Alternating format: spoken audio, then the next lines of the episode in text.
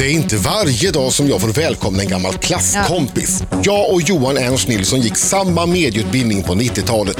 Han var den där pratglada och irriterande positiva killen som alltid snackade om alla häftiga äventyr han skulle ge sig ut på. Men mest irriterande var att han gjorde allt han sa. Han har cyklat från Sverige till Afrika, paddlat till samma kontinent och även tagit sig dit i en flygande båt. Johan har besökt de högsta topparna på sju kontinenter, kitesurfat över Grönland, varit på fotoexpedition i Papua Nya Guinea och seglat från Arktis till Antarktis. Ja, ni hör ju själva att den här 44-åringen gör precis vad som helst för att få den där rätta vindpinade looken.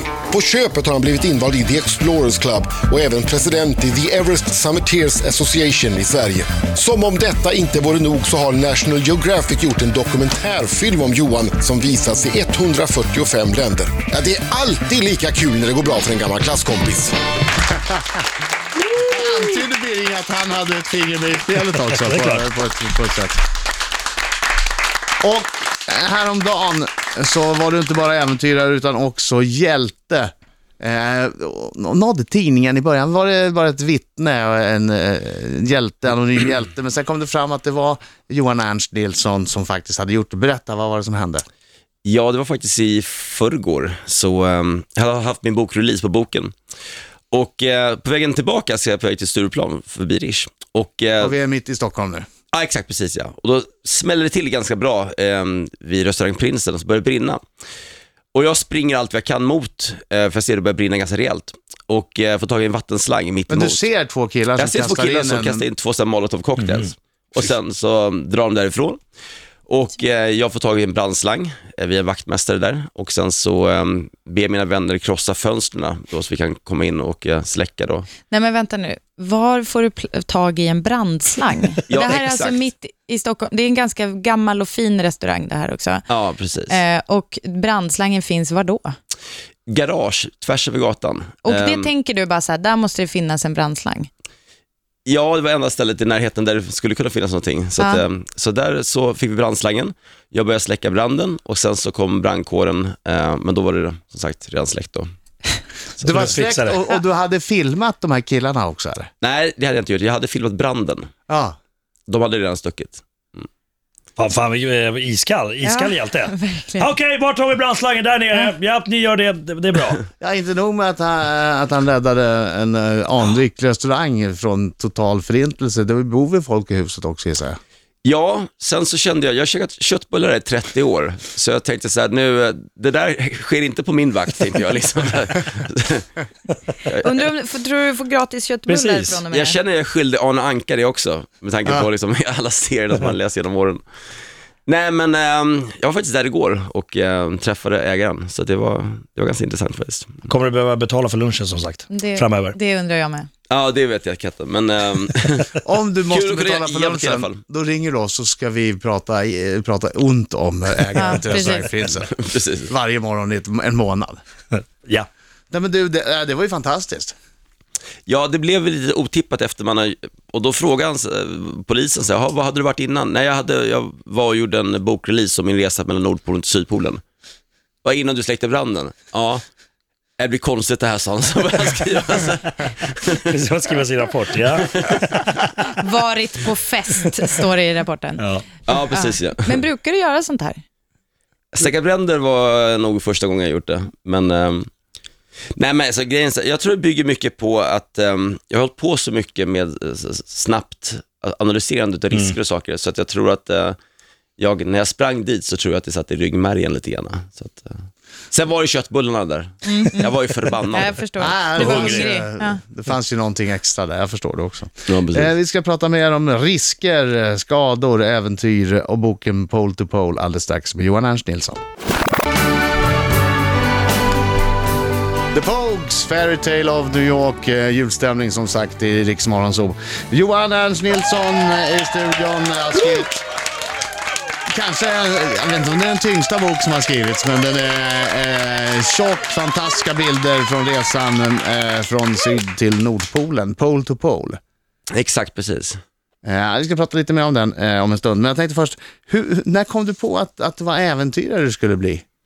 Och att du skulle livnära dig på att eh, bestiga berg eh, och, och utsätta kropp för livsfara? Jag tror det började 1994. Jag, eh, satt med några, jag jobbade som pianist på den tiden på Grand Hotel. Sitter med mina vänner och sitter och spelar piano och så sitter jag eh, och pratar om motivation, målfokusering. Att om man bestämmer sig för någonting så kan man göra det. Och sa så här, men du hade ju ett gymnastik, du kan inte göra något så här fysiskt. Jag kan göra precis vad jag vill, sa jag. Och då sa de då att vi skulle slå vad jag skulle eh, cykla från Grand Hotel då, till Sahara i Afrika. Ehm, och det sounded like a good idea at the time, tänkte jag. Så att, Hade så ni druckit? Ja, nej, nej, ja, kanske lite grann. Nej, men du vet, så jag eh, tar mitt pick och pack då och eh, börjar cykla ner mot Sahara. Eh, Ja, vadå, inte samma nu, kväll? vänta nu. Nej, nej, inte Du samma gick kväll. inte från Nej. pianot ut och satte dig på Nej, cykeln? nej, det här var någon vecka efter. Jag, Ja. Jag, spy, jag spydde i Södertälje, det var det värsta jag varit med om i hela mitt liv. Liten vit Nej, karl. nej, nej, nej, nej, nej, nej, vänta nu. Vänta nu. Okej, eh, du, sitter, du, har, du sitter och spelar piano. Yes. Någon säger det här Mm. och du säger så här, ja det är okej, det låter som en bra idé. D- Mm. Den här vecka, du, en vecka senare är du på väg. Vad händer under veckan? Alltså du måste ju ha sagt upp dig, du måste ju ha fixat liksom, Ja, alltså eh, vad, vad händer? Det där löste sig ganska bra, för när jag skulle säga upp mig så sa min manager då att du får sparken, vad fan dummaste jag har hört i hela mitt liv, sa han. Ja. Så då var det avklarat.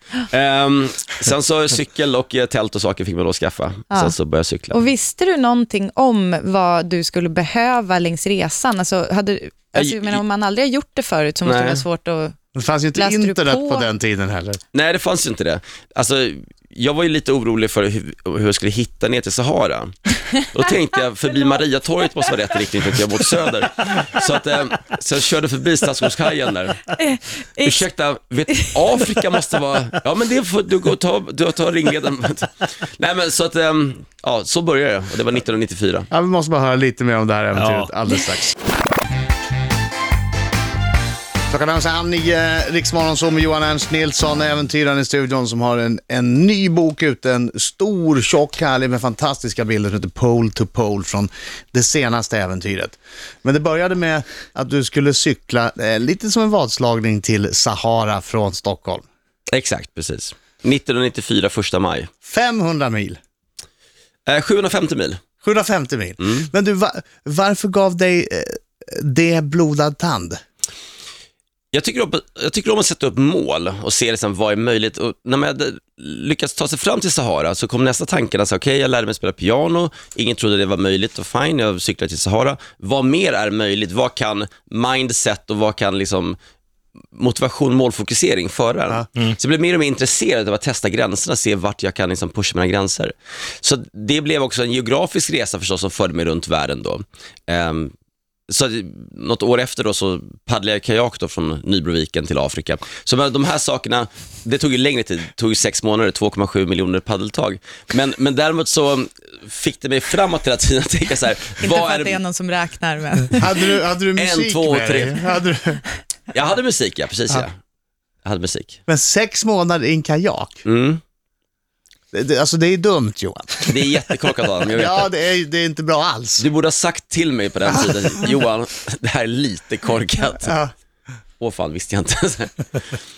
Nej men så att, eh, och sen så efter det då så tog jag den här flygande gummibåten som eh, gummibåt med vingar. Det är alltså en snöskotermotor, en propeller och eh, en hangglidervinge. Ah. Och det blir då en flygande gummibåt. Men det tyckte inte Luftfartsverket att det här var en alls kul idé. Så att ehm, det var, tog ett tag att ta internationellt radiotelefonicertifikat och eh, flygcert och sen så typa in den här gummibåten med transpondrar och eh, paneler och saker. Jaha, det var inte bara att sätta sig i båten, utan det var Nej, det var det inte. förarbete där. alltså, ska du flyga med gummibåt på 2000 meter ovanför Paris, då kräver det vissa tillstånd. Så att, ehm, så att ja, det blev lite stökigt ibland. Men det låter ju livsfarligt. Ja, pappa. Ja, men allvarligt. Det, var inga, det måste ju ha varit många tillbud. I boken så, så får man ju se tio förfrusna fingrar, Mm. en förfrusen näsa. Jag la faktiskt ut en bild, eh, jag tog en bild på, på en bild i boken och la ut den på Riksmorgonsols Facebook. Man får se Johan in action med förfrusen näsa. Ja, den näsan var ingen hit. Det var när jag kom fram mot Sydpolen. Och då var det eh, ja, 60 dagar och eh, jag var ganska trasig. För tänk på, jag hade hållit igång så länge då. Hela expeditionen var ju 525 dagar, 18 månader. Om man tittar på Mount McKinley som jag gjorde 95 exempel, då var ju det kanske du vet, 14 dagar utav fullt fokus. Men att ha fullt fokus i 525 dagar. Det går ju nästan inte. Så när jag började komma fram mot Sydpolen så var jag så sliten. Jag hade ett krossat revben, jag hade två kotsförskjutningar, jag hade mina spruckna fingrar, jag kände inte mina fötter, min näsa var frostskadad. Och så var jag jäkligt slut liksom, men- mentalt. Så det gjorde ju förstås då att eh, det var något av det jobbigaste jag hade gjort. Men- Mentalt var fokuserad så länge i 18 månader. Men men man måste ju sätta sig, jag ser en bild på dig här, du har bandage på näsan och det, det är snor som är en, en istapp. Och, så där, så sitter man inte och tänker så här, vad fan, nej, vad fan håller jag på med? Det finns roligare saker kanske. Ja. Ja, det finns det, men jag brukar säga så här, ju högre berget är, desto svårare må det vara att klättra upp, men desto vackrare blir också utsikten. Sätter du upp svåra mål, sätter du upp höga mål, så är kicken så pass mycket större när du väl når de målen. Så det tänker du när du håller på där och skidar och är kanske, jag fattar att det är härligt när man kommer fram, men när du är på så här, mil 300 någonstans och bara skidor, skidor, skidor och det har sett likadant ut varje dag och då tänker du så här, det är härligt vad man kan göra om man bara bestämmer sig. Ja. Sanning med modifikation. Utan grejen är så här, när jag var på Mount Everest, då kände jag så här, är det verkligen värt det här? Sen när jag nådde toppen och kom ner igen, kände jag att det var värt det. Hur mycket jag än kämpade så var det värt det. Så när, jag gick, när jag var på Nordpolen, då tänkte jag så här, vänta nu, det var ju värt det på Everest, det kanske är värt det nu också. Ja, okej. Och sen när jag kom Så till Sydpolen mer- så hade jag två referenser tillbaka. Det var ju värt det både Nordpolen och Everest, kanske är det värt det nu också. Och det var värt det nu när jag står här idag. Ja, om en liten stund ska du få tips. Om det är så att du har varit ute på äventyr och frusit sönder alla tio fingertoppar och det, det är så att det är så illa så att fingertopparna börjar trilla sönder. Så, så har Johan Ernst Nilsson eh, det bästa tipset för dig alldeles strax. Två minuter över halv nio, Riksmorgon Zoom med Adam Alsing. Britta Zackari. Marco Lehtosalo. Och Och Johan Ernst Nilsson. äventyrare extraordinär.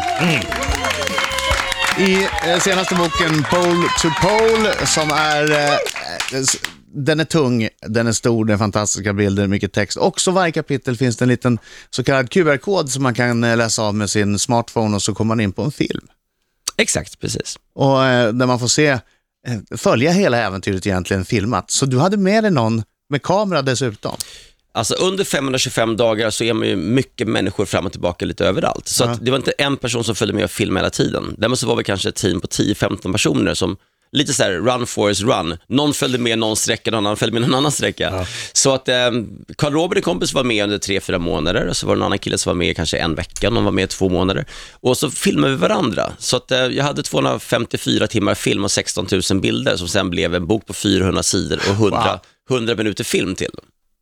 Wow. Coolt. Som styrs via QR-koder i boken. Då. Okej, vad händer då? Man har varit, varit på Sydpolen ett tag. Det, det, fingrarna har frusit sönder. Fingertopparna börjar vitna, de börjar svartna, de börjar gå sönder.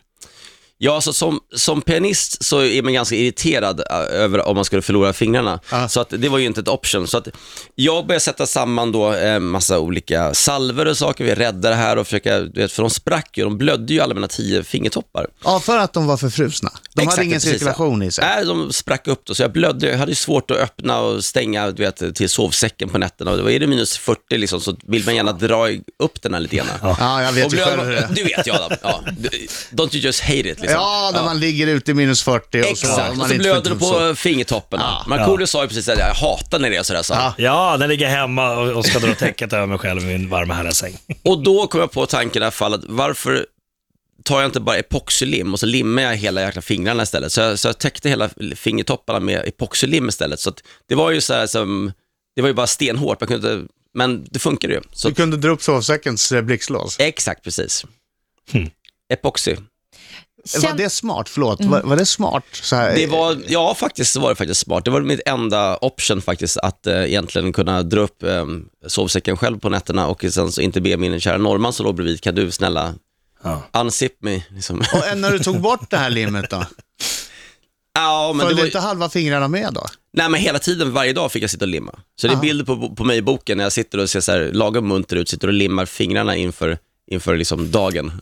Shit alltså. Förberedelser inför, men och smärta, det måste, vi, det måste ju vara ett issue här. ja smärta är ju en issue, det är det förstås. Ehm, men jag tror nog att längden på explosionen var mer en issue tror jag. Ehm, smärtan ehm, var ju förstås väldigt svår med eh, frostskadorna och så.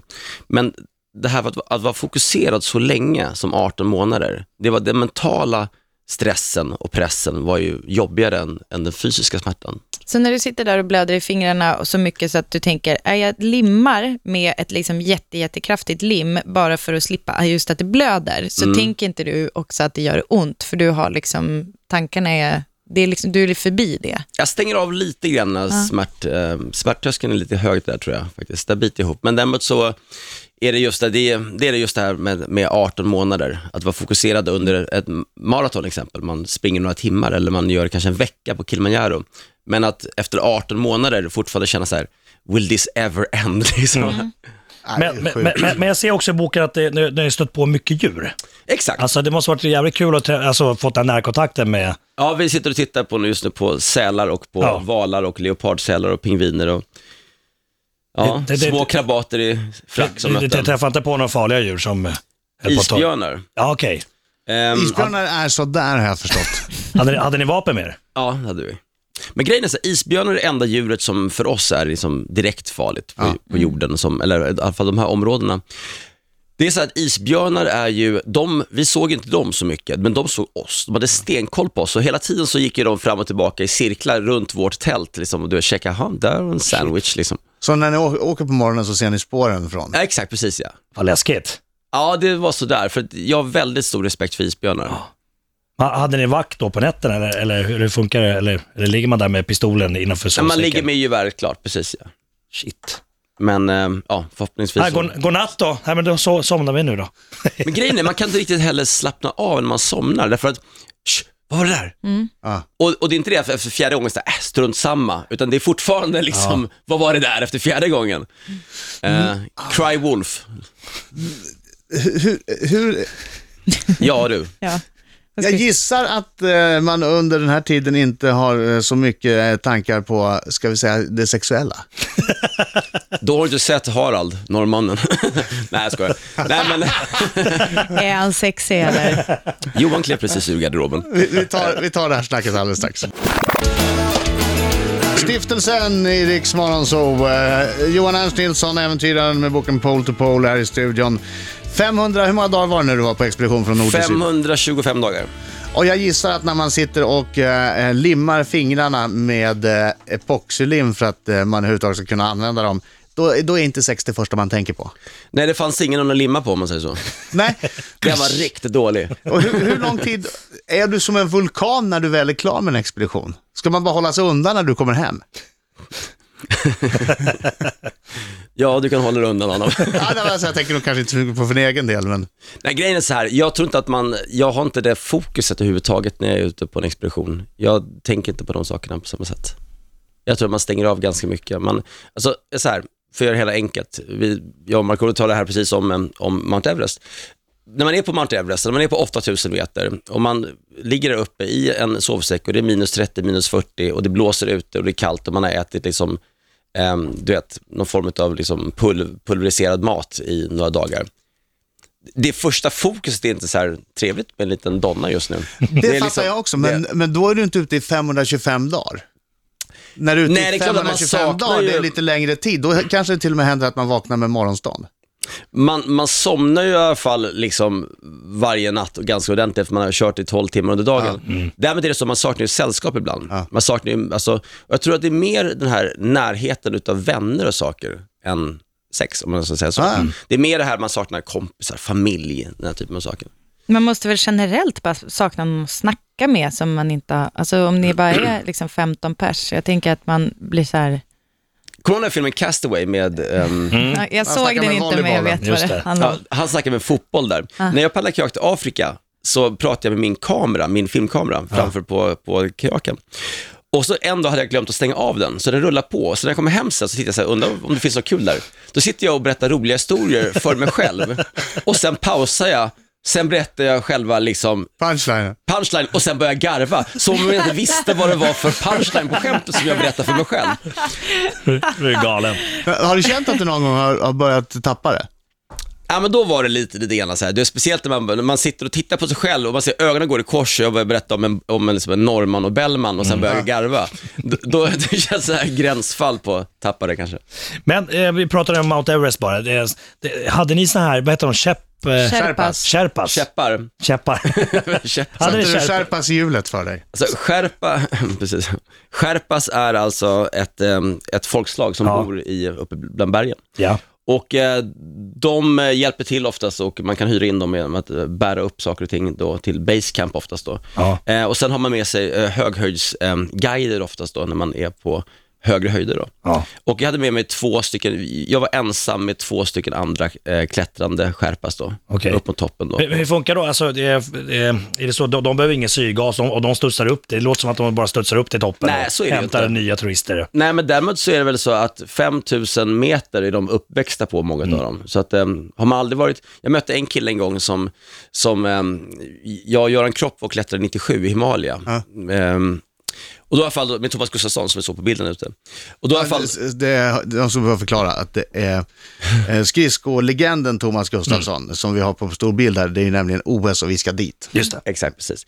Och då går vi där och snackar lite grann och då går en skärpa bredvid mig och så säger jag så här, otroligt nu på 5000 meter. Ja, så börjar han skratta lite grann. Vad garvar du åt? Så jag. Nej, men lustigt så här som att, du- att du säger 5000 meter. Ja, men de flesta svenskarna har aldrig varit över 5000 meter. De flesta svenskarna har aldrig varit liksom över Sveriges högsta topp, som Kebnekaise. Ja, jag har aldrig varit under 2000 meter. Det lägsta jag varit är 3 och 6. Ja, och då vart han yr. Det längsta jag varit, alltså det, det lägsta menar jag, det lägsta jag varit är 3600 meter. Det är lite absurt. sådär. Här, Sören Olsson skickar vidare fråga. Jag öppnar den här. Oj, oj, oj. Har du något tips på vardagsäventyr som folk ute i landet kan göra för att få lite mer spänning i vardagen? Hur ska man göra för att eh, fixa den absolut mest spännande julen? En äventyrlig jul. Hur då? Lycka till från Sören. Alltså generellt sett så tycker jag att äventyr är väldigt individuellt, eh, från person till person, vad man vill göra. Sen behöver inte ett äventyr vara en geografisk resa. Det kan vara att man tänjer en gräns, det kan vara att man testar något nytt, kan man våga sig på någonting. Så att ett äventyr, en upptäcktsresa, är en, mer en, en inre resa än en geografisk upptäckt om man säger så. Så att jag tycker mest att man ska bestämma sig för vad tycker jag att jag skulle vilja göra som andra kanske skulle skratta åt eller som jag kanske funderar på om jag skulle klara av eller inte och sen försöka testa det. Bada isvak. Bada Det kan vara ett äventyr. För mig, för mig är ett äventyr om jag åker en annan väg till jobbet på morgonen. ja, det här är läskigt. Nu är jag utanför min comfort zone. Eh, Pole to Pole heter boken. Tack så hemskt mycket Johan Ernst Nilsson. Tack Adam. Tack. Tack, tack. Hej.